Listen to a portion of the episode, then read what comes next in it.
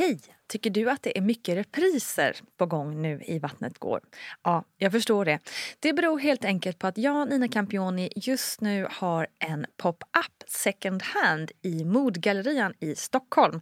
Så min tid räcker helt enkelt inte tid att göra så många avsnitt som jag hade önskat. Men tills jag är tillbaka på full tid, kom gärna och hälsa på mig i Modgallerian. Vi ses! Ja, sjukt. Då kunde jag ju så börja skicka, skicka liksom, eh, bild till någon kompis. Att bara så här, eh, epidural är så här, livets drog, du måste ta den om du ska föda barn. det, var, jag var helt, liksom, det var som att komma ut lite på andra sidan. typ. Hej, hej och välkommen ska du vara till ett nytt avsnitt av Gravidpodden Vattnet går. Jag heter Nina Campioni och det är ju jag som driver den här podden och dess systerpoddar Barnet går och EG-ploggen. Många av er har kanske lärt sig känna igen min röst by now. Så nu undrar ni kanske varför jag låter som en galen tupp här. Och det vet jag faktiskt inte riktigt för plötsligt en dag så var min röst helt borta. Kan bero på pollen eller så är det en helt vanlig förkylning. Vem vet? Coronatestet visade i alla fall negativt så det var det inte. Corona kommer vi prata en hel del om nu då veckans gäst Linn Bläcket från Göteborg gästar oss.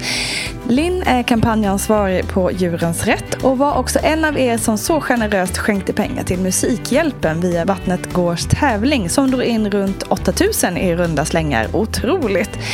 Och i samband med det så kunde man också vinna att vara med i podden och det var precis vad Linn gjorde. Anyways, Linn blev gravid ungefär samtidigt som pandemin bröt ut i Sverige och plötsligt såg ingenting likadant ut längre.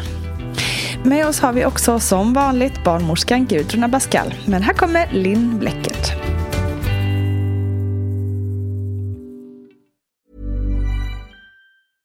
This is Paige, the co-host of Giggly Squad, and I want to tell you about a company that I've been loving, Olive and June. Olive and June gives you everything that you need for a salon quality manicure in one box. And if you break it down, it really comes out to $2 a manicure, which is absolutely insane. It's also so easy to get salon worthy nails at home with Olive and June. The difference between how your nails used to look when you did them yourself and now with the Manny system is a complete game changer. The best thing about Olive and June too is it's a quick dry, dries in about one minute, lasts for five days, and full coverage in up to one to two coats. Visit oliveandjune.com slash perfect Manny 20 for 20% off your first system. That's oliveandjune.com slash perfect Manny 20 for 20% off your first system. Hey, it's Paige DeSorbo from Giggly Squad. High quality fashion without the price tag. Say hello to Quince.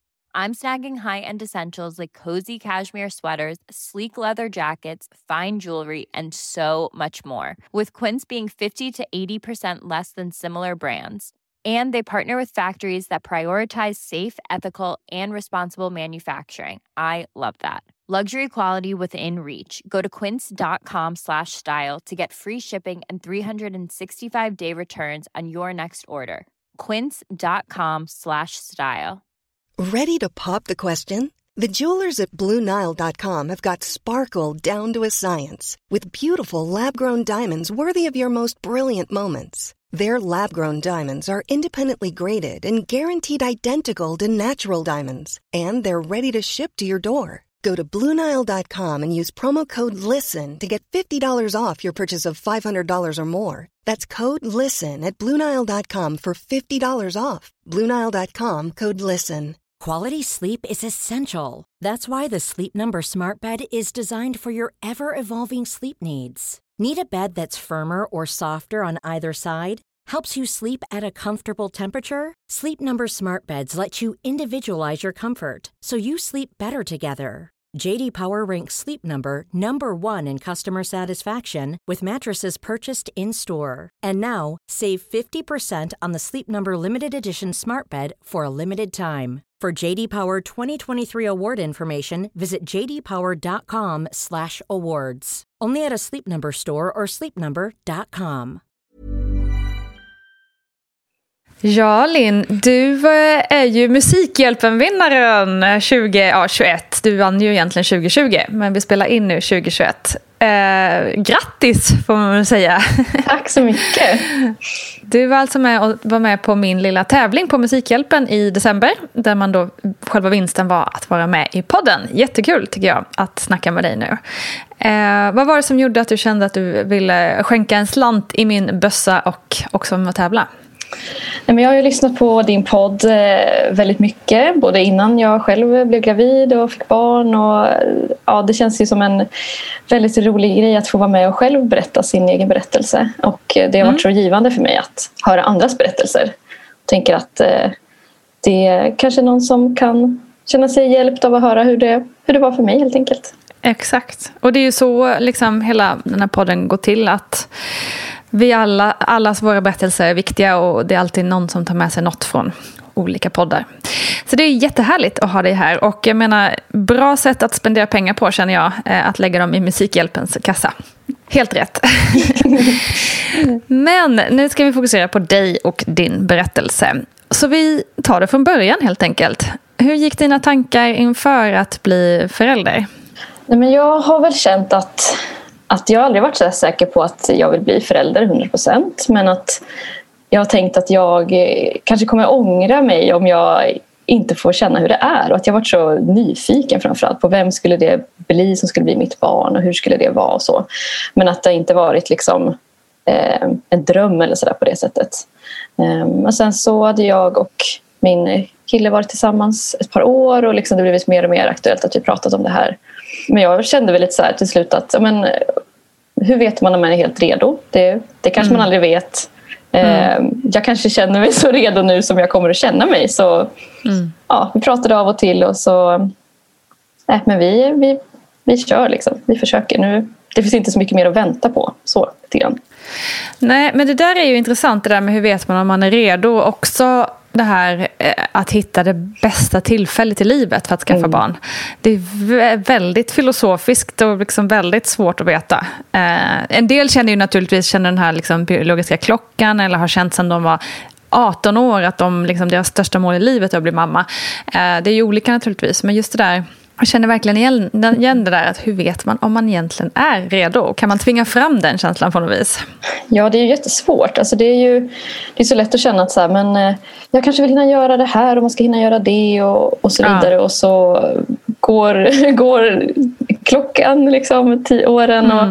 och, och så försöker man tänka så här, men eh, jag kanske, det kan man väl göra sen eller ja, då blir man liksom mer sugen och nyfiken på det helt enkelt. Att, mm nej men nu, nu kände jag mig redo och min kille kände väl sig också redo. Att, så, ja, Men det är jättesvårt ju. Det är, man önskar att det fanns ett facit på något vis. Att någon kunde säga till en så här, nu är det läge för dig. Om du vill skaffa barn då ska du försöka göra det nu. Men, eh, ja, precis.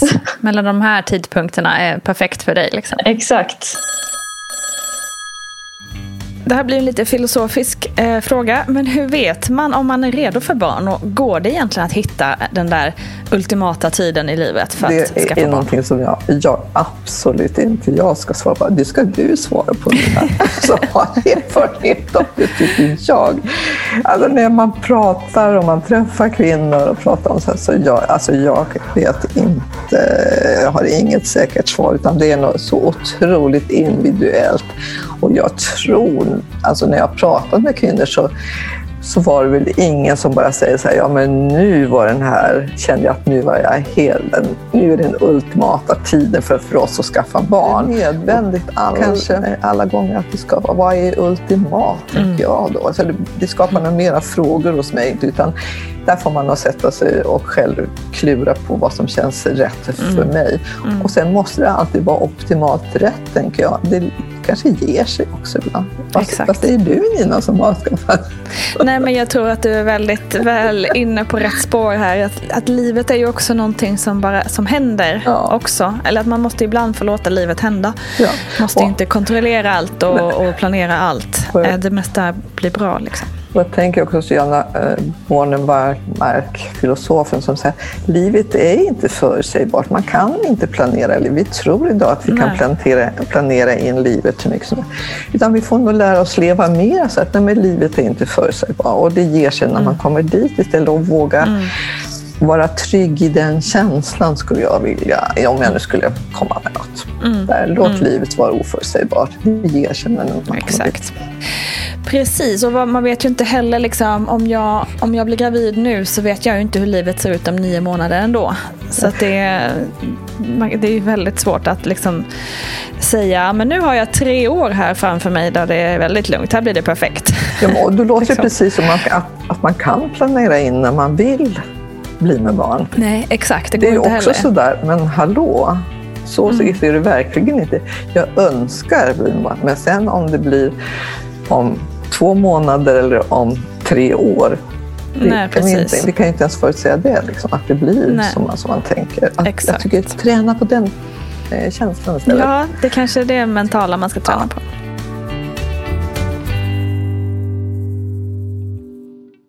Hur kändes det inom dig när du fick reda på att du var gravid? Nej, men jag blev så glad. Ehm, och jag, jag var som inställd innan att så här, det kommer ta lång tid för mig att bli gravid. Det var nog också därför jag kände så här, vad, vad ska vi vänta på lite grann. För att jag tänkte att det kommer säkert ta ett år och sen kommer det inte gå och så kommer vi behöva utreda. Så jag hade liksom fått för mig det för att jag alltid haft ganska oregelbunden menscykel och mm. var liksom så, äh, jag, jag, blir inte förvånad om det här kommer ta jättelång tid. Så jag vet liksom inte vad, jag, vad man har fått ifrån egentligen. Men det var väl kanske för att gardera sig själv lite också. Mm. Um, men sen så, så provade jag med så olika ägglossningstest och tyckte så här, men jag får aldrig något utslag på dem. Och nej, men jag, nej, det kommer säkert inte bli någonting. Bla, bla, bla, så där. Men sen till slut så, så ja, gick det ju ändå. Och eh, testade positivt en söndagkväll när jag hade varit hos en kompis och hälsat på en helg. Här var ju då man fortfarande kunde åka och hälsa på kompisar andra ställen.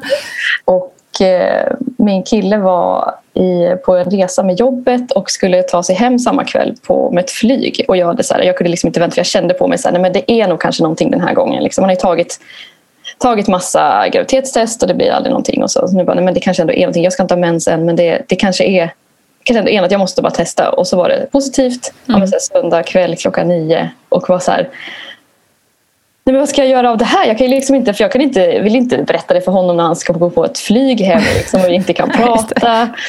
Och jag vill inte ringa till någon annan först. Liksom. Jag vill ju ta det med honom först. Och då gick jag så här, nej men gud, han mm. kommer komma hem i natt. Så jag var tvungen att här, ta fram telefonen och bara här, spela in mig själv och berätta det för någon. För att känna att jag kunde... Liksom... Ja, och att så här, jag, jag, jag, jag, måste berätta för någon. Jag, jag är gravid men jag kan liksom inte säga det till någon. Och, och visade mitt test och så här, vad, vad sjukt! vad gulligt! alltså, det känns ju som världens så cringeaste video så här i efterhand. Men det var liksom, ja. ja. men fint ändå liksom, att prata med dig själv typ. Alltså, mm. liksom en så vlogg. Du får lägga upp den på YouTube och bli en så youtuber sen. ja, exakt. Får visa det för min son. Så jag bara, kolla här är när jag Exakt. Ja. Så det var ju liksom att jag bara irrade runt sen i lägenheten i fyra timmar typ, och väntade på att han skulle komma hem. Och då var han också så ja. mitt i natten trött. Ja, så det var, det var väldigt konstigt. Men eh, ja, det kändes väldigt häftigt. Ja, vad härligt. Mm. Din reaktion gör ju ändå att man känner att du var nog ändå rätt redo då, känns det som. Ja, jo men verkligen. Alltså då, ja. Det var lite som tyckte jag när vi väl hade bestämt oss och sen när man väl började försöka och säga att mm. det här kommer ta lång tid. Så här, ja, men jag ska inte förvänta mig någonting. Men sen så inser man ju när det typ inte har gått första månaden att så här, okej, okay, jag kanske var inte så... Gud vad jag vill det här. Ja men exakt, jag kanske inte var så chill som jag trodde. Jag har te testat no eller fått några negativa test och man ändå mm. blir påverkad. Så mm. insåg att man kanske inte var helt så här, bara, det blir om det blir. Så. Nej, just det. Exakt. Att, absolut, att det, var, det var väldigt kul. Hjärnan och känslorna funkar inte alltid ihop som man tänker. Nix. Oregelbunden mens, vad beror det på? Ja, alltså det har ju med ägglossningen att göra. Att ägglossningen av någon anledning kommer, kommer olika. Så i normal menstruation så säger man att det är tre till åtta dagar och kommer ungefär var fjärde vecka. Menstruationen, man räknar från den första dagen till nästa första, första. Och då är det väl då att det kan vara någonting som gör att hormonerna inte funkar så att, för, för att ägglossningen kommer regelbundet. För det är ägglossningen som som drar igång sedan sista fasen så att man sedan får en menstruation. Utan ägglossning så blir det inte det. Man vet, yes. vanligaste orsaken är ju att det är ett omoget, ett instabilt hormonsystem. Och, eh, och det är väl det är vanligare hos väldigt unga kvinnor och i klimakteriet så, så kan man säga.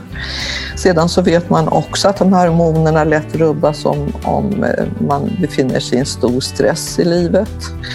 Då, då rubbas hormonerna till exempel. Mm. Om man ska hitta, hitta någonting så att man är stressad för att man har en examen framför sig, att man eh, kärlekssorg, långa resor, viktnedgång, hård träning vet man påverkar också på det här viset. Så. Men att det är en rubbning i någonting som påverkar att man får den här rubbningen i hormonsystemet.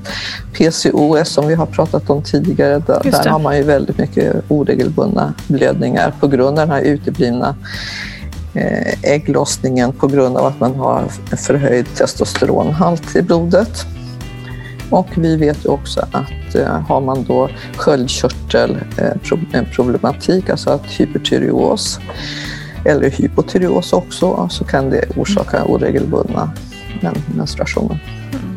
Alltså är det så att man är osäker och man har det, då tycker jag att man ska söka upp en gynekolog så att man får det. Även om man inte skaffar barn så kan det ju vara det. Man känner sig att orolig och inte trygg i det här mm. så kontakta en gynekolog. Och där kan man ju titta på hormonerna och följa cyklerna på ett annorlunda sätt. Det kan vara skönt att bara ha lite svar. Mm.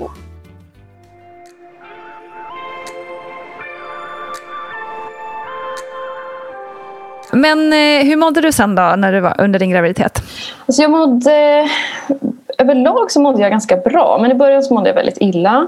Eller väldigt illa, för mig var det att må väldigt illa för att jag eh, har en väldigt ansträngd relation till illamående. Jag är väldigt rädd för att mm. kräkas och har spyfobi. Eh, så att må, liksom, ändå må lite illa hela tiden var... Eh, ja, det upptar ju väldigt mycket av ens mm. varande. Som tur var så... Lite Ja men verkligen. Och gå så små äta grejer på, på jobbet och så här, för att ja, du hade inte berättat det för någon. Var det det som hjälpte lite att småäta mm. hela tiden eller? Men det tyckte jag att det gjorde. Det blev att man liksom hängde upp det lite kring någonting. Jag hade så riskakor och russin och, och att liksom gå och knapra på något hela tiden det lättade ju lite grann. Att det inte, mm. det inte tog över så mycket. Och eh, det här med tipset att äta på morgonen när man går upp tyckte jag också det hjälpte väldigt bra att bara ha lite så här russin typ bredvid sängen. Det var någon, mm. gång, någon dag som jag missade det och gick upp och skulle göra frukost och så plötsligt så bara, inte, jag svimmade inte men verkligen så bara föll ihop på köksgolvet och bara Åh! fick ropa på, på min partner. Ah. Det kommer med, med något att äta. Så att, eh, det är så konstigt då för då, då, då, tycker man liksom inte att man känner sig inte så gravid i övrigt. Det syns inte på mm. någonting. Nej. Men känslan i början är så himla så här, uppfyller liksom hela, hela ens mående på något vis. Mm.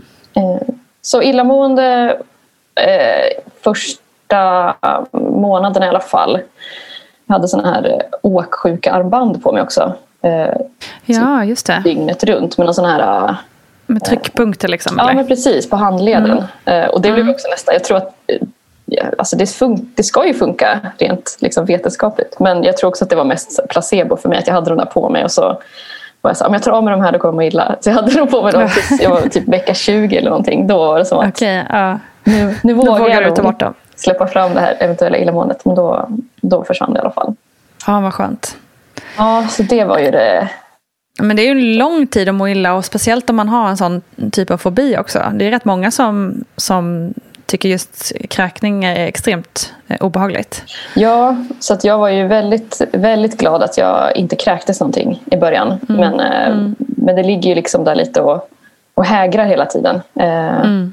Och just att man inte riktigt vet. Vissa mår ju jättedåligt och kräks varje morgon och hela dagarna. och sådär. Så det är också lite av ett mm. lotteri känns det som. Hur, mm, om jag drabbas av det, liksom, gud, hur, det kommer vara katastrof. Liksom. Men, men ehm, ja, sen så gick det ju till slut. Det, det ebbade ut ganska mycket där efter typ vecka 12, 13, 14 och sen hängde det kvar mm. lite grann. Så. Men sen mm. efter det så kändes det som att nu, eh, nu är det borta helt så.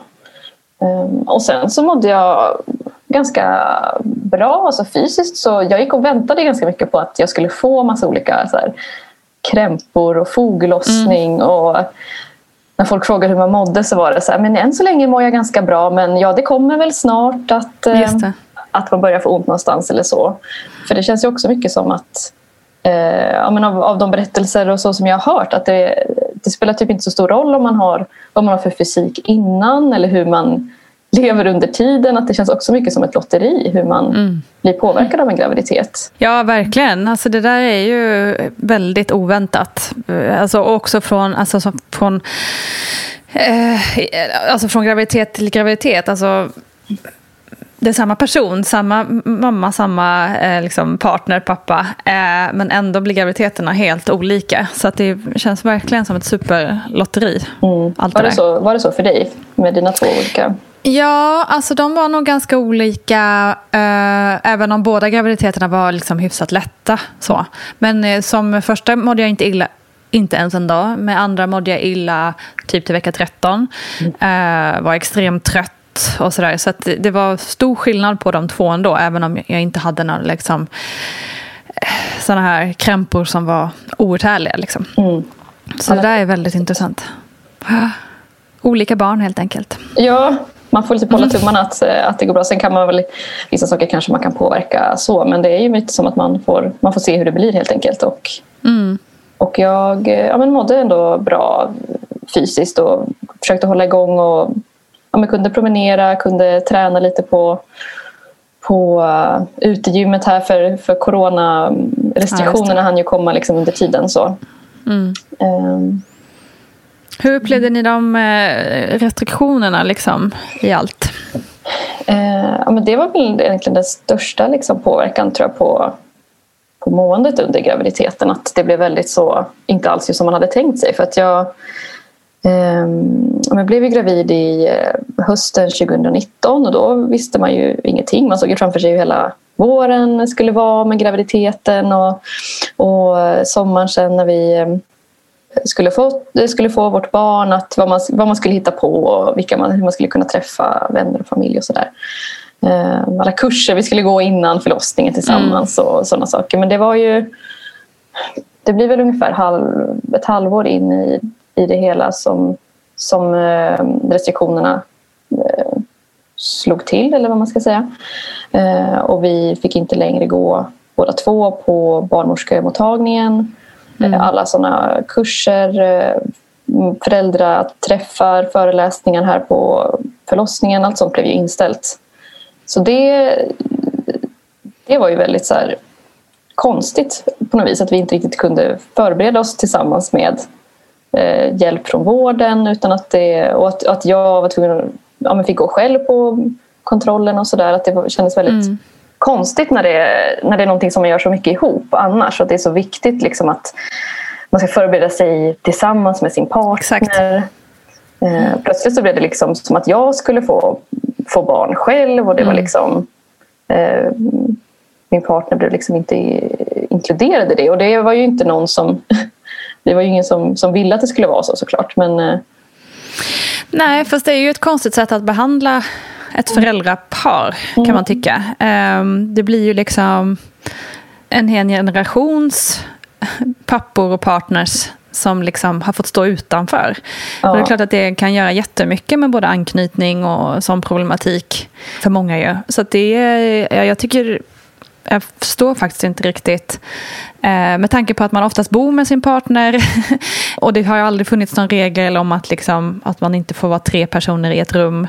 Eh, till exempel. Så att det, jag vet inte, jag tycker den, den är eh, väldigt beklaglig den regeln tycker jag. Man förstår att liksom, sjukvården måste minimera på alla sätt de kan naturligtvis.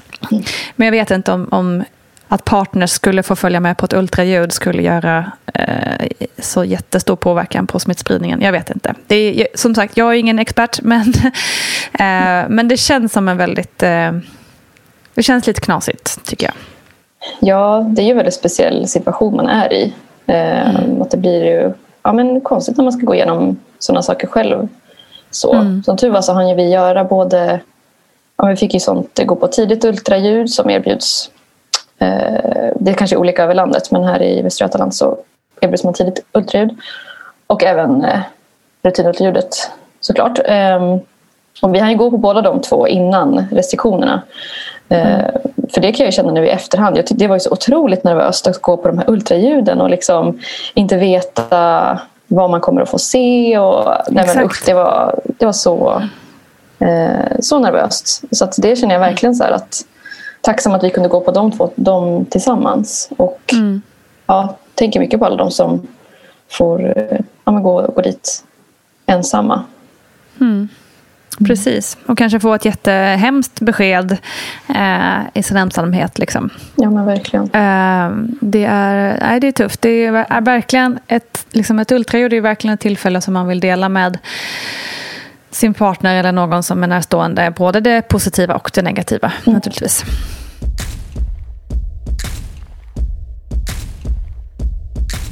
Om vi ändå går vidare. Jag förstår att ni gick ändå någon form av, eller om du läste Föda utan rassla-boken, så var det kanske? Så det Ja, var en del av precis. din förberedelse i alla fall. Ja, precis. Ehm, för den har du ju sett tipsas om väldigt mycket och att eh, vi kunde inte gå de här kurserna då på mödravårdscentralen eller på barnmorskemottagningen. Så vi lånade den boken och eh, eh, jag tänkte men vi läste den ihop och så där. Det ska ju vara bra att förbereda sig ihop men att det eh, kändes liksom ja, men när vi läste de olika tipsen så tycker man sådär, bara, men hur, hur svårt kan det vara liksom, att komma ihåg att andas ordentligt. Så där, att vi, vi läste dem och liksom, man skulle göra lite övningar och sådär. Men eh, jag tyckte det var svårt också i förberedelsen att verkligen förstå så hur vi skulle få nytta av det sen. Eh, men det tyckte jag vi verkligen fick. så. Men det kan vi ju prata om när vi kommer dit. Men, Aha, ja. men, eh, men det var en väldigt... Ja, det var så vi fick göra. Läsa, läsa böcker, lyssna på poddar, kolla på eh, eh, Instagramkonton som, som ploppade upp ju för att fylla det här tomrummet ganska mycket. Att, eh, Just det. När det var massa kunskap som, som behövde förmedlas men eh, där det inte gick att få som, som vanligt kanske via vården så, så fick man ju söka sig till andra ställen. Fanns det något annat i din graviditet som liksom eh, förvånade dig eller gjorde dig liksom, hmm, kom det här ifrån? typ så. Ja, men något som jag, som jag inte var så beredd på att jag skulle reagera på så starkt det var ju när vi var på rutinultraljudet och eh, vi hade bestämt oss att vi ville kolla eh, kön på barnet. Eh, och fick reda på då att det, vi skulle få en kille, en son. Och jag hade typiskt så, så här, jag hade känt det på mig. Liksom. Vi hade haft jättesvårt att komma på killnamn. Vi hade jättemånga bra så här, tjejnamn. Och jag bara, vi kommer säkert få en kille för att vi har typ inga bra killnamn. Liksom. Just det. Så jag var så här, klassiskt så här, bara, ja, men jag är inställd på det känns så att det kommer bli så. Men, Och sen när de, när de sa det liksom, på rutinultraljudet så, så var ju direkt så där att ja men det är typ kollade på, på Rickard och min kille liksom och bara så här, ja, men jag, det var ju som jag sa. Liksom, så. Men sen allt eftersom den där dag, dagen gick så, så um, kände jag liksom att, ja, men att det, det ändå kom någon sorts liksom, besvikelse kring det. Och jag blev så himla så här, förvånad att jag reagerade så starkt på att, att jag kanske hade hoppats annorlunda. Och det känns ju så konstigt nu när jag har mitt barn och han är liksom snart åtta månader och det känns så självklart att det är Just det. han. Det känns som en sån klassisk grej. Liksom. Men, men då kändes det verkligen så. Eh, när jag hade hunnit så här, smälta det lite under dagen och jag tänkte så mycket på så här, oh, men nu kommer vi liksom kanske inte få samma sorts relation som jag har med min mamma eller vi kommer inte kunna göra de grejerna. Liksom. Någon, när jag pratade med, med min kille hemma så på kvällen för jag kände att jag måste liksom ventilera de här, den här reaktionen. Det känns jättejobbigt att gå runt och bara så här, var kom det här ifrån? Liksom. Jag kommer ihåg att något exempel var typ så här, men nu kan vi liksom inte åka på spa ihop, vi kan inte basta.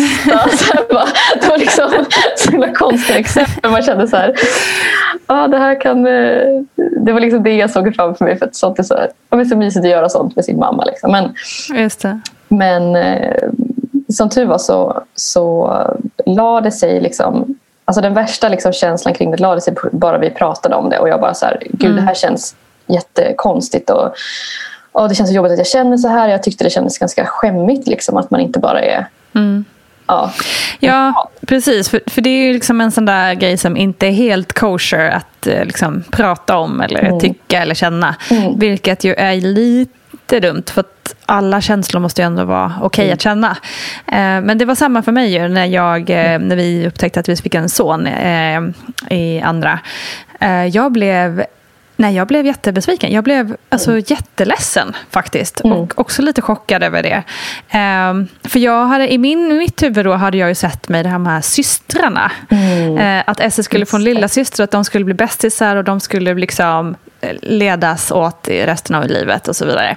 Vilket de ju kommer göra ändå, fastän att det är en pojke. Men, mm. men i mitt huvud mm. så var det det jag såg. Liksom. Så när jag fick reda på att det var en son, jag bara nej. Nej, alltså jag blev så ledsen. Mm. Eh, och det tog faktiskt sin lilla tid att komma över för mig. Mm. Eh, och naturligtvis, liksom, precis som du säger, så fort, så fort Rocco var liksom, framme, eller liksom, även innan mot slutet av graviditeten, mm. så, så var det ju bara han som gällde. Så det är inte så som att det har präglat min relation till honom på något sätt. Jag mm. älskar honom mer än någonting annat. Eh, men det är intressant hur man kan reagera på en sån sak. Och, vi, och just det där vad det är för bilder man har sett framför sig innan. För det är inte heller så lätt att styra. Liksom. Man, man har en känsla och lite bilder som man tänker att det ska bli. Och då när det är omkullkastas, det är klart att man blir lite chockad. Liksom. Ja, men verkligen. Och sånt som man inte eh, inte kanske tydligen ens har erkänt för sig själv kanske riktigt. Nej. Det kände jag. Nej, alltså, för det var det precis. som var så tydligt då. Att så här, Oj, jag hade verkligen väntat mig något annat men jag har inte riktigt så här, kanske satt ord på det själv ens. Liksom. Då blir det så himla... Då känns det liksom extra jobbigt på något vis. Ja, men sen jag känt, märkte jag sen när jag började liksom, ja, prata lite med, med vänner runt några som också väntade barn och sådär att det, det, ja, det är ju vanligt att många känner så. Man har en förväntan oavsett vad man väntar sig så är det liksom eh, att det, ja, men, man säger att det är så himla vanligt och ändå känns det så mm. fel. Och man får dåligt samvete för att så här, eh, var, varför är det här så starkt? Liksom? Och ja. Man vill vara så neutral och att eh, ja, men, eh, kön spelar ingen roll och man uppfostrar ju barnen likadant ändå. Fast man vet på något vis att det inte, det inte kommer bli så för att man är liksom inte helt frikopplad från samhällets påverkan på en och normer. Och, Nej, så är det ju. Det är ju väldigt svårt att stå emot det såklart. Ja, så och sen är man ju kodad själv, liksom, om man är då är kvinna till exempel. Då är man kodad i det och liksom, den relationen som man har till sin egen mamma och så vidare, så som du var inne på också. Mm. Eh, och vad man själv har, har man syskon? Hur ser en familj ut i, mitt, i min värld, liksom, i mitt huvud, så som jag är uppvuxen? Mm. Och så vidare. Så att det, det är klart att det är mycket som påverkar. Mm. Ja, verkligen.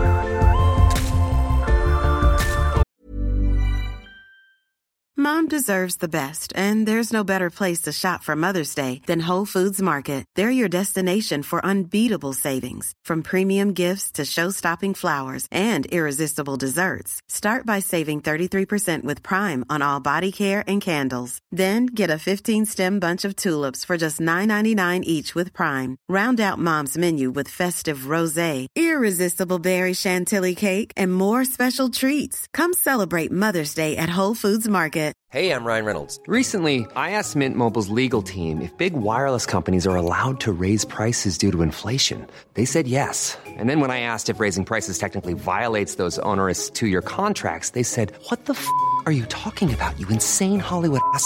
So to recap, we're cutting the price of Mint Unlimited from $30 a month to just $15 a month. Give it a try at mintmobile.com slash switch. $45 up front for three months plus taxes and fees. Promo for new customers for limited time. Unlimited more than 40 gigabytes per month. Slows. Full terms at mintmobile.com. Even on a budget, quality is non-negotiable. That's why Quince is the place to score high-end essentials at 50 to 80% less than similar brands. Get your hands on buttery soft cashmere sweaters from just 60 bucks, Italian leather jackets, and so much more. And the best part about Quince, they exclusively partner with factories committed to safe, ethical and responsible manufacturing. Elevate your style without the elevated price tag with Quince. Go to quince.com/upgrade for free shipping and 365-day returns. Here's a cool fact. A crocodile can't stick out its tongue. Another cool fact, you can get short-term health insurance for a month or just under a year in some states.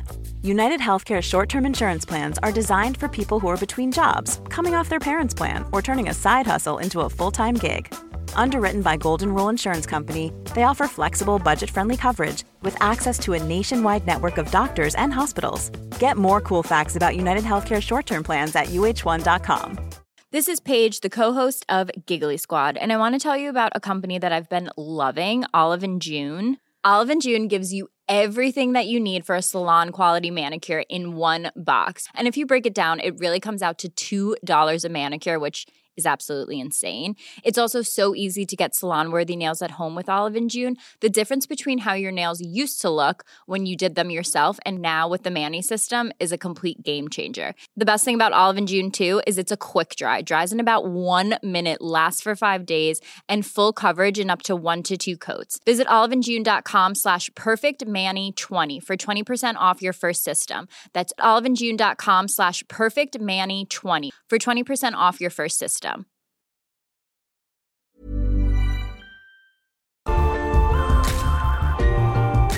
Det var väldigt förvånande under graviditeten och som, som tur var så, som du säger, så det tar ju ett tag att, att smälta något sånt. Liksom, eller att ja, men, acceptera det och försöka se det framför sig och så. Men sen allt eftersom graviditeten fortgick så blev ju den känslan inte alls lika stark längre. Ehm, Nej. Och eh, ja, nu känns det ju jättekonstigt att tänka sig att det skulle vara ett annat barn. Liksom. Eller hur? Jag känner igen det också, verkligen. Eh, Men du, om vi ska ta och eh, närma oss förlossningen då. Mm. Hur drog det hela igång? Jo, men det, det började mm, dagen efter BF. Ja, men på kvällen efter. Eh, jag var också som inställd på att det kommer gå över tiden. För det kändes som att alla runt omkring mig, det kändes som att det var så många som gick över tiden. Eller gick över, förbi BF i alla fall. Eh, men jag var beräknat den 5 juni. Och sen eh, dagen innan så hade jag haft mitt sista barnmorskebesök. Och så hade de konstaterat att så här, han eh, fortfarande inte är fixerad, eh, ligger ganska högt upp. Eh, och jag försökte liksom be om tips. Bara, vad kan jag göra för att han ska komma längre ner? Och så här, hur ska vi, kan det påverka liksom, och när det drar igång och sådär. Men, var så här, nej, men det behöver inte påverka så mycket. Men vi ses säkert här igen om en vecka. typ så. Ja. Och jag blev så, så, så nedslagen. Um, jag blev riktigt deppad. Så nu, och så fick jag lite tips på att man kunde sitta liksom i djupa squats för att han skulle liksom komma, komma längre ner. Um, jag kände men jag gör någonting i alla fall. Så här, jag kan i alla fall göra det. Um, och sen på dagen efter på kvällen så gick slemproppen.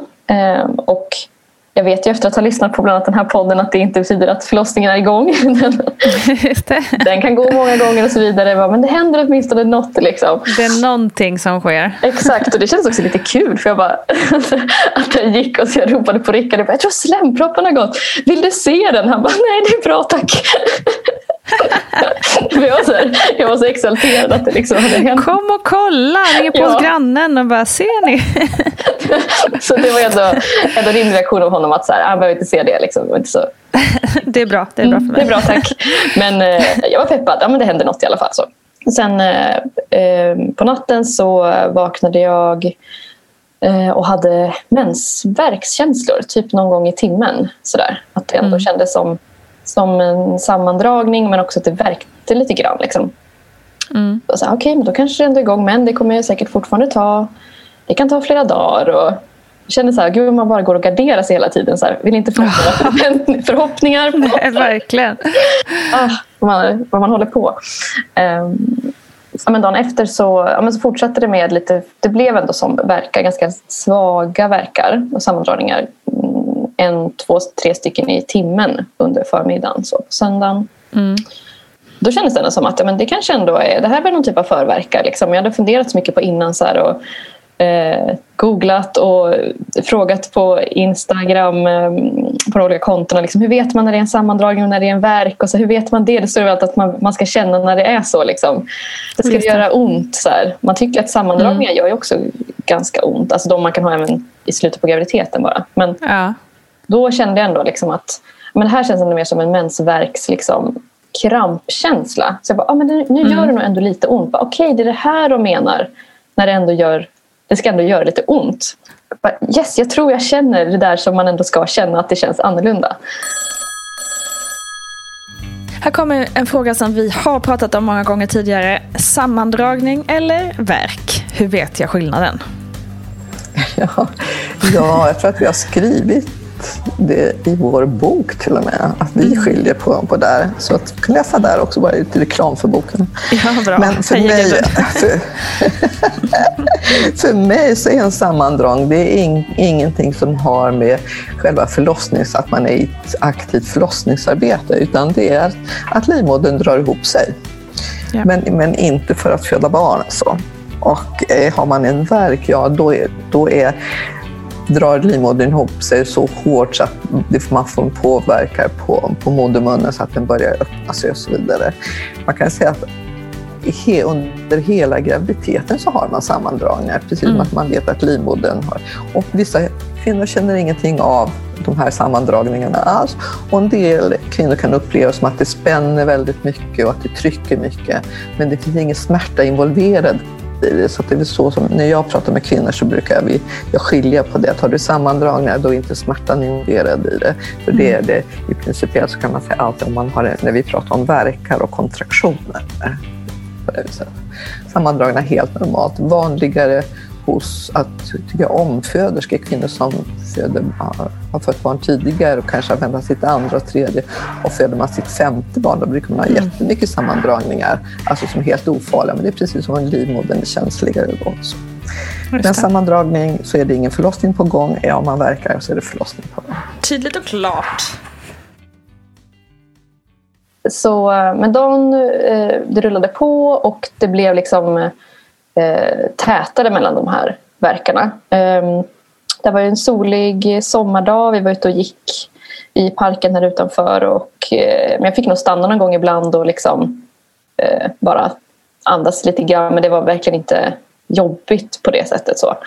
Eh, men sen under eftermiddagen så, så blev det tätare och lite intensivare. och Eh, jag började klocka verkarna ja, framåt fyra på eftermiddagen tror jag. Att jag kände att nu är det ändå bra att ha lite koll. Liksom, och, och jag trodde då, i, alltså nu i efterhand tänker jag så att jag hade väntat mig att jag skulle känna mer så lite pirrigt. Typ så här, "Åh, nu är det nog igång. Liksom. Men när jag tänker på det så var det nog väldigt, i stunden så är man ju bara väldigt så här, fokuserad på vad som händer.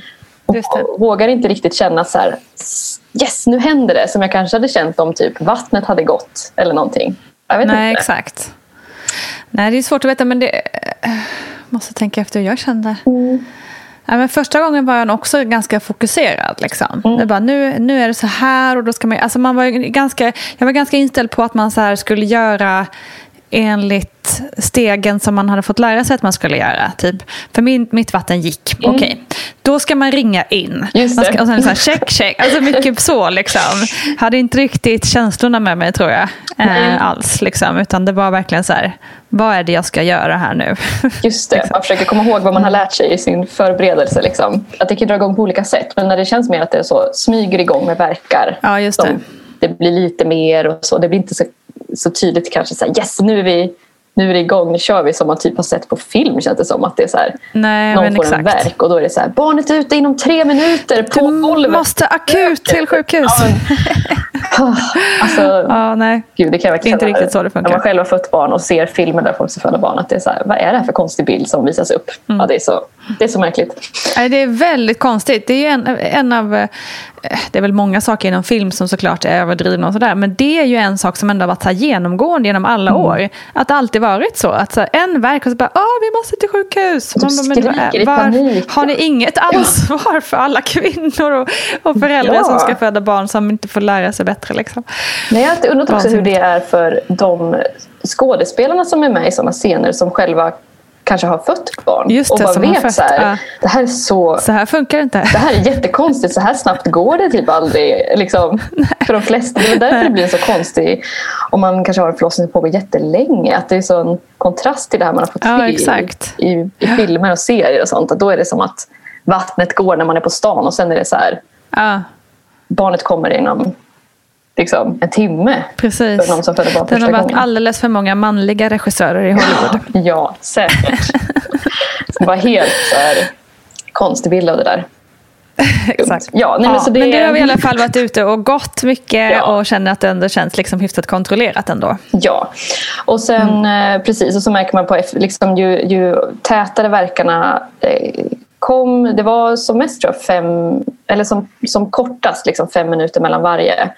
Och det, det var där ganska länge så var det liksom aldrig att de kom tätare än fem minuter mellan varje. De blev liksom intensivare och jag gick ifrån att jag kunde ändå sitta och kolla på en serie typ till att så här, nu måste jag bara fokusera på, på verkarna. Um, Och att det var det är ganska många timmar höll, höll på med det där. Ringde, vi ringde in till förlossningen ganska snabbt. För jag kände lite så här, bara, men jag vill ringa in och säga liksom att vi är på gång. Typ. För det är också så här, när ska man ringa in? Typ, vad... Mm.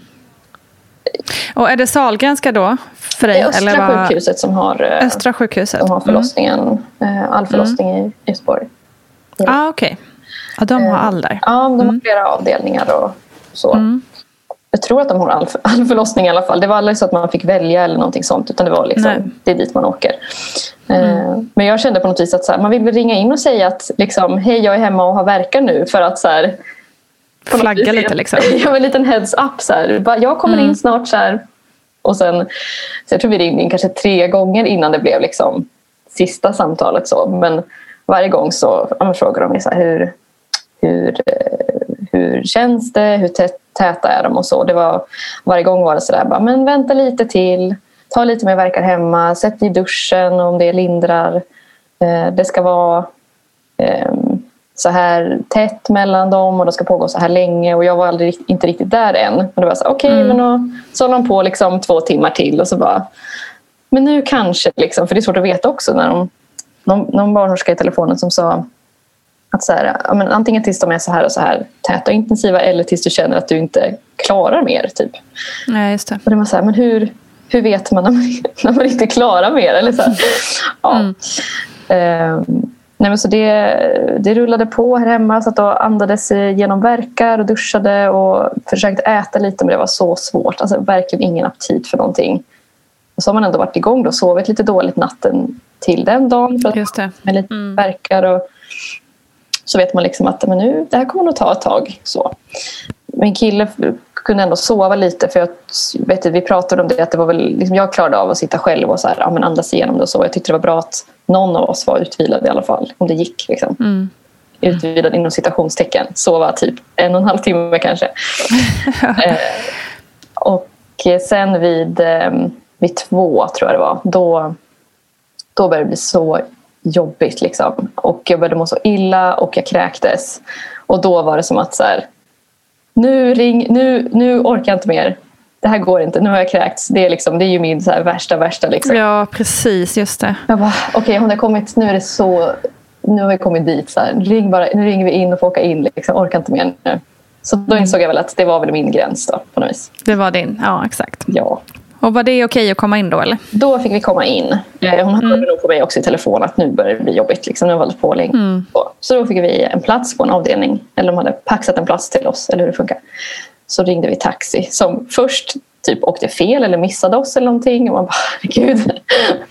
Så kom en ny taxi. Inte läge. Nej. Och det var ju sån, oh, men det var en sån, det är en sån kontrast mot idag, en så kall vinterdag och då var det ju en sån varm sommarnatt. Stod ute liksom och det, solen höll på att gå upp då vid halv tre, tre. Liksom. Oh, så vi, det var wow. Eh, tomt på vägarna in. Så det var ju väldigt rofyllt ändå. Jag var ganska nervös för uh. den här, att typ ta verkar i bilen och så. Men det, mm. gick, det var inte alls så där hemskt som jag hade också byggt upp att det kommer vara liksom helt fruktansvärt. Men det, det var helt okej. Okay och, och det var så fint och lugnt utomhus. Och, Mm. det, gick, det tog, tog väl typ en kvart åka in till sjukhuset. Så det var också... Jag hade räknat innan, men då kommer jag väl behöva ta typ tre, fyra verkar. Liksom. Just det. det klarar jag. Så. Mm. Har inget val. Um, Delmål. Ja, men verkligen. Men ja, det som är lite speciellt också med att föda barn under pandemi var att de eh, kollade vår temp när vi kom in. Um, Just det. Och eh, jag vet inte om alltså vad som hade hänt ifall en av oss eller båda hade haft till exempel feber. Vi hade ju absolut inga Nej. symptom innan. Då hade vi ju inte då hade ju inte min kille kunnat följa med. Då hade vi fått ta med en, en backup en backup-person, mm. en kompis som jag hade frågat innan mm. så kunde vara backup. Men, mm. Mm. men när vi kom upp där till, till avdelningen så började de med att ta tempen på oss. Och eh, det gick bra, ingen av oss hade någon feber eller så, så vi kom in. Men då blev vi lite så här, jag för mig att vi typ tittade lite på varandra och bara så här okej, okay, vad jobbigt nu om typ min kille hade haft feber och fått så här... Exakt, har fått stanna utanför. Ja, för jag, bara, jag hade inte preppat min kompis på att så här, nu står vi på förlossningen, kan du komma hit nu? För jag tänkte att vi vet väl innan om någon av oss har mm. symptom. Just det. Liksom. Ja. Eh, så det, men det gick ändå bra. Så vi fick komma in och eh, göra den här första undersökningen eh, där de kollar hur intensiva verkarna är och hur långt jag hade kommit i förlossningsarbetet. Och då var det mm. som om jag var öppen fyra centimeter och det var liksom tillräckligt långt för att ni får stanna. Då var mm. åh, Skönt. Så skönt. Ja. Det är det man det vill. Det, ja men precis, det är ultimate goal i det läget ja. verkligen. Mm. Det är konstigt att man också ska behöva vara orolig för en sån sak. Att, tänk om vi inte ja. får stanna Nej, det är kvar. vansinnigt. Mm. Nej, det är mycket, det är mycket inom kvinnohälsa och vård som är lite questionable, helt klart. Ja, verkligen. Som skapar lite onödig mm. stress i sådana situationer där man ska vara Exakt. så avslappnad som möjligt. Det är väldigt eh, märkligt egentligen. Ja, verkligen. Mm. Sen så eh, blev jag eh, erbjuden att bada. Alltså de, det, var lite så här, mm. det var ganska lugn stämning på förlossningen. Det var också så, jag trodde liksom att man skulle höra folk så här, vet, någon skulle springa genom dörrar och det som att man skulle höra någon som typ vrålar, sånt krystvrål ja. typ. Men det var ju så här jättelugnt. Vi var inne på rummet och de, så här, de kom och pratade lite med oss och frågade så här, men vill du ta ett bad? Det kanske kan vara härligt. Bara, ja, varför inte? Så jättemysigt mm. litet eh, rummet med tända ljus och så badkar. Och, ja, men det, var, det var väldigt så här, det kändes så mysigt. Liksom. Eh, ja. Lugnt och mysigt. Men eh, däremot så kände jag att det, det inte var så väldigt eh, smärtlindrande för mig. Eh, jag blev också erbjuden att prova lustgas då och jag tyckte det var det passade inte mig alls. Jag hade också väntat att okay. det skulle vara så liksom, skönt, nu kommer vi in till sjukhuset, nu kan jag få lustgas och få hjälp och liksom, ja, precis. de här verkarna. Men, mm. men jag, tyckte, jag tyckte att det bara var... Liksom, jag blev bara så, andades så stressat på något vis. För jag hade fått in en ganska bra så här, ändå, egen andning efter hjälp från den här Föda utan rädsla-boken. Eh, mm. Och kände att jag har ändå... Det var, ju, det var ju så pass jobbigt att jag inte ville vara kvar hemma, obviously. Men, men ändå att... Eh, att den andningen gick ut så mycket på att verkligen bara vara... Ja, men det är mycket så att vara tung, grunda sig neråt. Liksom. Jag satt liksom i, eh, gärna så framåtlutad och bara så jätte, liksom, tung i hela kroppen. och så. Och då att sitta med den här lustgasmasken. Och så ska man liksom anda ganska... Man ska ju andas ganska liksom, hårt i den på något vis. Eller att det verkligen så in mm. Ja, men det är en speciell teknik. Mm. Ja. Mm. Och då kände jag att jag bara kom av mig helt i liksom andningen. Då blev det, att jag nästan så, det kändes som att jag började nästan hyperventilera i den här masken på något vis. Så jag, det var kanske att jag inte fick till någon bra teknik eller att det bara inte... Eh, det passade bara inte mig. Nej. Eh, så det var också lite förvånande att, att, eh, att det inte hjälpte. Så. Eller det, mm. ja, provade några gånger men, men det, var, det var svårt. att Det kan verka också så himla olika hur folk upplever lustgasen. Som det verkar, ja, verkligen. Det verkar liksom, vara otroligt. Ja, exakt. Nej, men jag kan också, jag använder det väldigt mycket just, just som mer som en så här, för att hålla min andning i få en bra liksom, takt på min andning. Sen vet jag inte om den gjorde egentligen så mycket varken mot smärta eller jag kände mig inte full eller sådär som många kan känna. Mm. Eh, eller tror inte det, kanske att jag var det utan att jag fattade själv. men men liksom för mig var det verkligen så här, just skitbra för att få in en, någon slags andnings och liksom få lite kontroll över vad jag Ja. skulle göra. Liksom. Eh, så. Ett tydligt Men det är verkligen... Liksom. Jag ska i alla fall ja, exakt. här då gör jag det. Precis, mm. exakt. Lite så. Ja. Men det är olika som sagt hur man upplever den. Ja, jag fick liksom många, mår ju, många mår ju illa också av det, liksom, så att det är väldigt olika. Mm. Ja, det var jag också nervös för såklart. Och så här, jag kommer säkert att må illa och kräkas av den här lustgasen. Och så. Men det blev egentligen bara, det kanske hade gjort om man hade suttit med det länge. Jag vet inte. Men, eh, nej, men det, det, det passade inte mig då helt enkelt. Nej. Eh, så det var liksom upp ur det här badet och bort med lustgas. Och bara, nej men det här var inte mysigt först, sen bara nej, jag, får, jag får ingen bukt med verkarna liksom här. Det blir bara konstigt. Just det. Så um, då, jag minns inte om jag bad om det eller om de erbjöd epidural. Mm. Men jag var i alla fall ja, jättegärna. Eller att jag bad om det och var så här. Nu behöver jag någonting som jag kan få vila lite på. Ja, men precis. Just Du har nu. varit igång ganska länge där ju. Ja, men precis. För då var det ju i alla fall... Då var ju klockan säkert 6-7 på morgonen.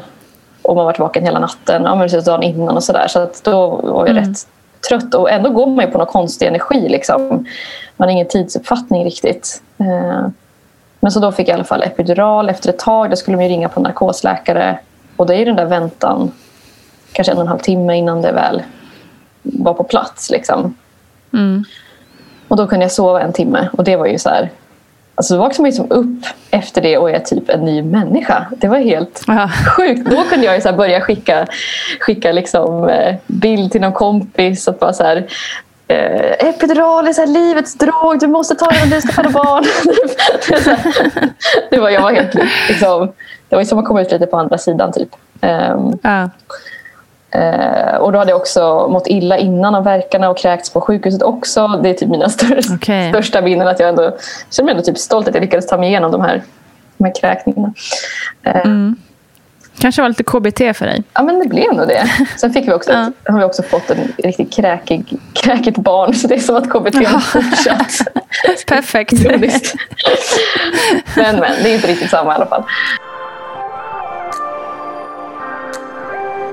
Då blev det som ett litet annat lugn kände jag också. Att det började så här, framåt. Mitt på dagen. Jag kunde typ se, se personalen i ögonen igen. Man är liksom inte i den här smärtdimman. Nej, just det. Mm. Ehm, och ehm, ja, men gjorde, de gjorde barnmorskan som, kom, som var med oss gjorde undersökningar då och då för att se att jag fortsatte öppna mig. Och det rullade på i en bra takt. Liksom. Det var, gick bra. Jag gick runt och gjorde lite olika sådana här stretch, liksom, det kändes som typ stretchövningar. Man går runt och vaggar för att här, fortsätta öppna sig. Och liksom, jag bara så här, det kändes här, nu, jag lever life här. Liksom. Jag jag verkarna, men Härligt. herregud, det är, är ingen grej. Liksom. Jag börjar bli så här kaxig typ. Väldigt kaxig. Ja, bara så här, det är liksom kul och jag kan prova den där. Vi kan sitta lite på förlossningspall och så här, känna hur Så det det känns. på Och, så där. och är sen bra, vid, eh, vid två på eftermiddagen så var jag helt öppen. Och då hade hon också någon gång under, den här, under de här timmarna eh, tagit hål på hinnorna så att vattnet hade gått. Ehm, och eh, ja, men vid två så var jag helt öppen och eh, retraherad som jag fick lära mig då att det hette. Ehm, Just det. och då var det i princip så här, "Ha, nu ska, han, eh, ska barnet liksom eh, ta sig ner i förlossningskanalen. Eller ja, bäckenet liksom. Mm. Och det var också lite så att eh, det var liksom inte, jag vet inte om jag hade missat att tänka på det. Att så här, just det, det är inte som att bara för att man är helt öppen så får man börja krysta. Liksom, utan Nej, just det. då ska ner och eh, då ska man hålla på med det. Göra massa olika övningar och ligga i olika positioner. Och hålla på med det där. Liksom. Det tog ju flera timmar för mig. Och det var också ganska eh, lite mer utdraget än vad de hade liksom önskat. Eller vad man ska säga. Mm. Okej. Eh, för barnmorskan då när jag var helt öppen sa att "Ja, men nu, då tänkte hon väl att så här, "Ja, men det kanske kommer en bebis innan mitt skift är slut om två timmar. Typ, så här. Ja, just det. Mm. Eh, och det gjorde det ju inte. Utan det tog ju sin lilla tid och vi höll på där och trocklade runt. Liksom. Men, eh, men eh, det kändes inte stressat på något sätt. Utan de var superproffsiga och lugna och liksom bara så metodiska. Att, så Mm. eh, och jag hade ju epidural hela tiden. Och de hade en sån här elektrod på bebisens huvud för att se att allt såg Mm. bra ut. Och, Ja, så det var liksom ändå väldigt lugnt så. Men så började timmarna gå och framåt eh, klockan sex då kom, förloss, så kom förlossningsläkaren in. Och eh, jag tror hon var inne en gång, tid, gång tidigare också för att liksom kolla läget. För att de var så här, kan du känna här? Och det var lite sånt, så här, kolla liksom hur det går. Så. Då hade jag ju hållit på ganska länge och hade fått också så här verkstimulerande dropp för att det blev väl lite svagare verkar. Och jag hade också fått feber under den här perioden och fick någon antibiotika. Eh, så att jag började bli lite också så här trött, liksom. groggy typ. Förståeligt. Mm. Ja, eh, men så då kom förlossningsläkaren in och undersökte och de, då, då sa hon till oss att så här, nu får ni 30 minuter på er. Liksom. Sen typ punkt, punkt, punkt. Liksom. Det var inte så, Ja. sen hände det här. Men Nej, just det. Utan bara Ja. hota lite. Ja, men lite så. Bara, men nu behöver det här barnet komma ut. Och det var liksom inte, det var ingen kris för varken mig eller barnet. Men det var väl liksom att annars så började vi bli lite för trötta. Kanske både barnet och jag. Precis. Liksom. Mm, mm. Eh, Så då var det som att, eh, jag kommer inte ihåg det så mycket, men min kille sa att det var som att jag gick in i någon sorts så här game face. Liksom. Mm. Och barnmorskan också bara så här, okej men nu, nu är det liksom inte, ge inte upp, nu kör vi liksom. Nu är det bara att, nu sparar vi inte på något krut här liksom. Eh, Så då tog det 19 minuter och sen så kom hon ut. Oh, wow. Så Det var där är ju häftigt. Det, det känns som att de, de vet ju det lite, känns det som, de här förlossningsläkarna och barnmorskorna. Att liksom, de kommer med ett litet, litet, litet så här förtäckt hot om något eventuellt, typ en sugklocka Ja. eller kejsarsnitt eller något. Så bara, ja nu jävlar, nu ska hon ut Då eller får han man ut. den där liksom. liksom, extra kraften på något sätt. För att det, Ja, Ja, det var, så det var ju väldigt eh, skönt att, det, att, eh, att han kom ut till slut. Eh, det förstår jag. men jag tyckte det var också så märkligt med den här sista liksom, fasen. Att, att, ehm, att man liksom inte kände, jag tyckte inte man kände själv liksom hur att det blev någon progress, eller vad man ska säga. Alltså för att, eh, Jag vet inte om det beror på vad man har för smärtlindring och sådana saker. Att det blir, känns kanske annorlunda om man inte har epidural. Men att jag hade liksom ändå föreställt mig att man skulle känna så här, typ att men nu typ börjar den komma längre och längre ut. Eller vet, nu börjar det Ja, närma precis. sig liksom någon sorts så här, eh, men jag tyckte liksom inte alls det kändes så. Jag kände inte alls när den kom över den här spinae-taggen som eh, man får höra att då ska man också Mm, och kräkas när de kom över den här taggen. Så jag gick och väntade på den där jävla taggen. Men det, plötsligt var man bara förbi den på något sätt. Och jag, men jag, hade, ja, fattar inte. Eh, Så jag blev så chockad också att det plötsligt så, här, så gjorde det liksom svinont. Det är väl det där kanske typ ring of fire-grejen. Att det bara Ja, känns som att någon typ så här klöser en typ i underlivet. Mm. Jättekort stund men ändå så här. Jag bara aj, aj, aj, aj, vad gör ni? Och sen så var han ute liksom, typ hela, jag tror allt på, kom ut på en verk. Liksom. Ja. Huvudet och kroppen och allting. Det var så Nej, sjukt. det där är häftigt.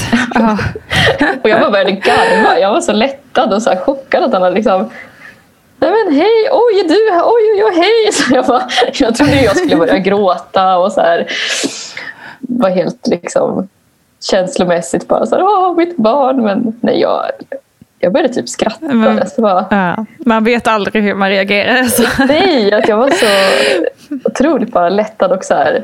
Hade liksom inte fattat att det var så plötsligt blev så nära. Det var så lång, lång tid av att det var så inte så nära. Och plötsligt så bara var det klart. Nej men exakt, precis. Det där är ju otroligt. För man tänker, så kände jag också det, att det, så här, bara, men det här kommer, all, det kommer aldrig ta slut. Mm. Och så bara tjoff så är den en ute liksom. "Va? Hur gick det till?" Eh, på två andetag plötsligt. Ja. och, och det är klart att det har varit en lång väg liksom, hela tiden mot det målet. Men det känns som att de där två sista är liksom, det man har gått och väntat på hela tiden. Och, och det går över så jäkla fort. Liksom. Ja, ja, då kände man inte liksom att det var svårt att vara närvarande i det ögonblicket. Då, för då, Mm. mm. så, så är det liksom, jaha, då var det klart. Och så bara kommer liksom det här typ lugnet på något sätt. Att liksom, Ja.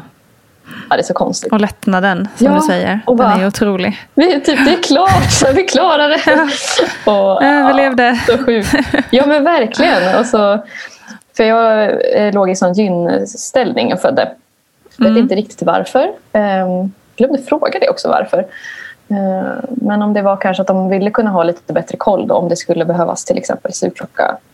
Ja men precis, skulle också tänka mig att de vill vara förberedda för det Mm. kanske. Det är vad jag spekulerat i efterhand varför det var så. För Mm, att, Jag vet inte om det var egentligen kanske så jätteskön ställning att föda i. Liksom. Men Nej. Men eh, ja, då hade de ju bra koll i alla fall. Ehm, Och sen så låg de kvar i, den där gynställningen i liksom, typ en timme tror jag. Med så här, moderkakan skulle ut och de höll på och skulle sy min bristning. Men då hade jag ju liksom mitt barn uppe vid bröstet och det var sköterskor som hjälpte till och de skulle hitta, liksom, få igång med någon sorts amning. Och då var det som att man bara sa, ja men ni håller på där nere och syr lite. Exakt. Bara, Ja. det är till om något kommer det är göra konstigt ont. vad lite man bryr sig Ja. plötsligt. Man bara, gör ni ert? Ja, men, Ja, jag har det här.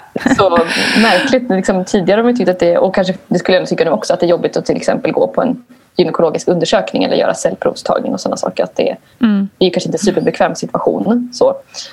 Men det är så konstigt då under en förlossning hur man liksom sakta så bara man vänjer sig. Man släpper allt. Ja, och då bara så här, ja, ja, men gud, jag är mitt barn. Så här, ni, är liksom, jag ligger där med benen i vädret och bara, jag litar på er 100 procent. Liksom. Ja, ja. ja verkligen. Men hur gick det med bristning och så? Var det under kontroll eller? Jo, men det, jag fick en grad 2-bristning. Ehm, Mm. Och ehm, jag vet inte också om det, om det påverkades av att, att eh, barnet kom ut i, under en verk. Jag tror att tanken var att jag skulle andas mig igenom och att huvudet skulle komma ut först och sen kroppen. Men Ja, just det. Mm. det ja, jag hängde inte med där riktigt tror jag, i instruktionerna. Eller plötsligt så bara var han ute. Ehm, men så att de sydde det och det var lite sådär att man på ganska länge och fick också typ kalla in förlossningsläkaren för att så här, kan du bara kika lite här? Liksom. Så bara, mm, Okej, ni håller på där nere och tråcklar. men, ehm, men det kändes ändå okej. Det var ju liksom väntat och eh, kände jag. Eller jag har förstått att det är så, så vanligt. Eh, Sen kan man väl kan man ju fundera över varför liksom, ska det vara så vanligt och så vidare. Men, men det kändes liksom inte, Absolut. inte jobbigt eller så i stunden. Ehm, och de var också noga med innan jag gick hem från BB att, att läkaren skulle kolla på det igen och se att det såg bra ut och, och sådär. Bra. Ja. Hur ser du på din förlossning så här i efterhand? Jag känner mig eh, ganska stolt mest tycker jag. Jag tycker att det känns liksom häftigt att ha gått igenom det och sen kan det vara liksom detaljer kring förlossningen som jag kan liksom ångra att jag inte typ frågade mer om under tiden. För jag annars är ganska, ganska frågvis person och är liksom, jag gillar liksom att få tydlig info eh, och ehm, och sådana saker. Så det kan jag känna lite så ah, varför passar jag inte på att fråga om det där med gynställningen eller det här med att jag inte kanske andades rätt på sista verken och eh, sådana saker. Men det blir ju mer liksom min rationella hjärna på något vis som känner att så här, det där hade jag velat förstå mer. Ehm, men jag känner mig väldigt tacksam över, att, över min förlossning och att den gick eh, bra och att jag hade liksom att man inte vet ju innan hur det ska gå. Hur ska just min förlossningsberättelse bli? Liksom innan är det så här, tänk om, om eh, x antal veckor eller månader, då har jag en egen förlossningsberättelse. Eh, hur kommer den vara? Gud, jag har ingen aning. Tänk, sen vet jag. Liksom. Och, eh, och nu vet jag hur den blev. Och eh, känner mig liksom tacksam över att det gick så pass bra. Och eh, att man är liksom en erfarenhet rikare på något vis. Ja. Att jag var så nyfiken innan på så här, hur, hur känns det att föda barn? Hur känns det att vara gravid? Det, gud, jag hoppas att jag får veta det någon gång. Och så bara, jäklar jag har varit gravid och jag har fått barn. Och så här, vad coolt, nu vet Jag jag, gjorde det. det. Ja, Ja, jag- ja. Jag klarade det och vi klarade Och gjorde det bra. Mm. Och väldigt, väldigt tacksam över eh, att min partner kunde vara med på förlossningen och det stödet som, som jag fick av honom.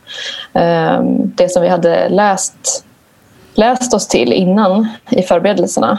Hur man kan hjälpa till som partner och eh, ja, men, hjälpa till att ta varje verk och sådär. Och det som jag, när vi läste den där boken tyckte jag att det lät lite överdrivet. Liksom rent krasst. Så att, ja, men, ska han hålla på varenda gång och säga tung, tung, tung, andas djupt, tung, tung, tung. Så här, det kan jag, väl, jag kan väl andas själv. Liksom, det så. Ja. svårt kan det vara?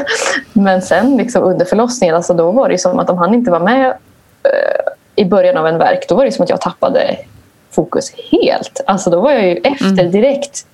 Och bara så här, han är inte med och andas, jag kommer av, liksom, blev helt distraherad.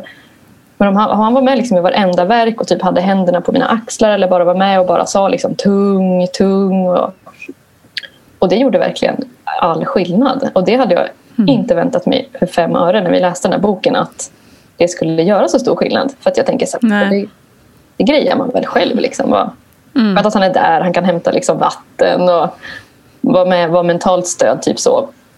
Pusha på mig när det är lite jobbigt. Men det där liksom, varenda Exakt. verk, var, så många timmar. Mm. Att få det där, eh, någon som säger till att man ska andas tungt varenda gång. Och bara, det behövdes varenda gång. Så knäppt. Så det var också väldigt Det är det. Stolt. Teamwork. Verkligen teamwork. Ja. Härligt. Det var säkert väldigt viktigt för honom också, tänker jag. Mm. Att få vara den som eh, var en så stor del av förlossningen. Ja, men verkligen. Och att, eh, så tacksam att vi kunde vara med båda två. Att ingen av oss blev sjuk, hade förkylningssymptom. Och så missar man liksom den, den grejen. Mm. Så. Mm. Ja, det var verkligen. konstigt att tänka på att det kanske hade kunnat bli så. Men så blev det inte. Så blev det inte och eh, det är vi glada för allihopa. Mm. Du, eh, innan vi avslutar så tänkte jag höra om det är någonting som du känner att du vill skicka med lyssnarna. Om du har något tips eller råd eller tankar om vad som helst. Ja, men då får jag väl säga att eh, förbered dig med din partner även om du tycker att det låter töntigt och överdrivet. Om du har en, en partner eller vän som ska vara med på förlossningen. Eh, läs igenom det där tillsammans, till exempel en född utan rädsla. Och eh, tänk, även om man tänker i stunden att ja, vi får väl se om det här behövs. Men då har vi kollat på det i alla fall för att det kanske är mycket viktigare än vad man, än vad man tror. Grymt. Tack så hemskt mycket. Tack själv. Och tack för pengarna till Musikhjälpen. tack för ditt engagemang. Tack detsamma. Tack, tack, tack Linn Bläcket från Göteborg. Och tack också till dig och alla andra som skänkte pengar till Musikhjälpen förra året. I vinter gör vi det igen, eller hur? Ha nu en riktigt bra dag. Tack så hemskt mycket för att du har lyssnat. Nu ska jag vila min röst och vi hörs snart igen. Glöm inte bort mammagruppen på Facebook. Kram på er!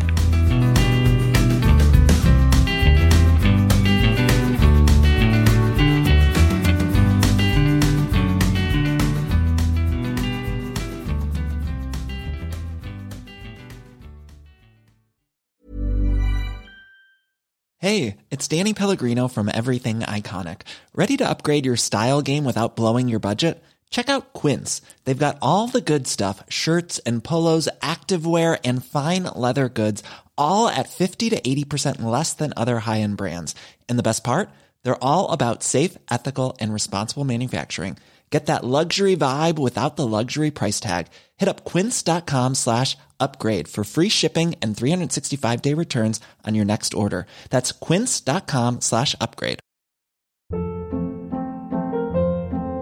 Hold up. What was that? Boring. No flavor. That was as bad as those leftovers you ate all week. Kiki Palmer here, and it's time to say hello to something fresh and guilt-free. Hello Fresh. Jazz up dinner with pecan-crusted chicken or garlic butter shrimp scampi. Now that's music to my mouth. Hello Fresh. Let's get this dinner party started. Discover all the delicious possibilities at hellofresh.com. Hi, I'm Daniel, founder of Pretty Litter. Did you know cats tend to hide symptoms of sickness and pain? I learned this the hard way after losing my cat, Gingy. So I created Pretty Litter, a health monitoring litter that helps detect early signs of illness by changing colors, saving you money and potentially your cat's life. Pretty Litter is veterinarian developed, and it's the easiest way to keep tabs on your fur baby's health right at home. Go to prettylitter.com and use code ACAST for 20% off your first order and a free cat toy. Terms and conditions apply. See site for details. Mom deserves the best, and there's no better place to shop for Mother's Day than Whole Foods Market. They're your destination for unbeatable savings, from premium gifts to show-stopping flowers and irresistible desserts. Start by saving 33% with Prime on all body care and candles. Then get a 15-stem bunch of tulips for just $9.99 each with Prime. Round out Mom's menu with festive rosé, irresistible berry chantilly cake, and more special treats. Come celebrate Mother's Day at Whole Foods Market.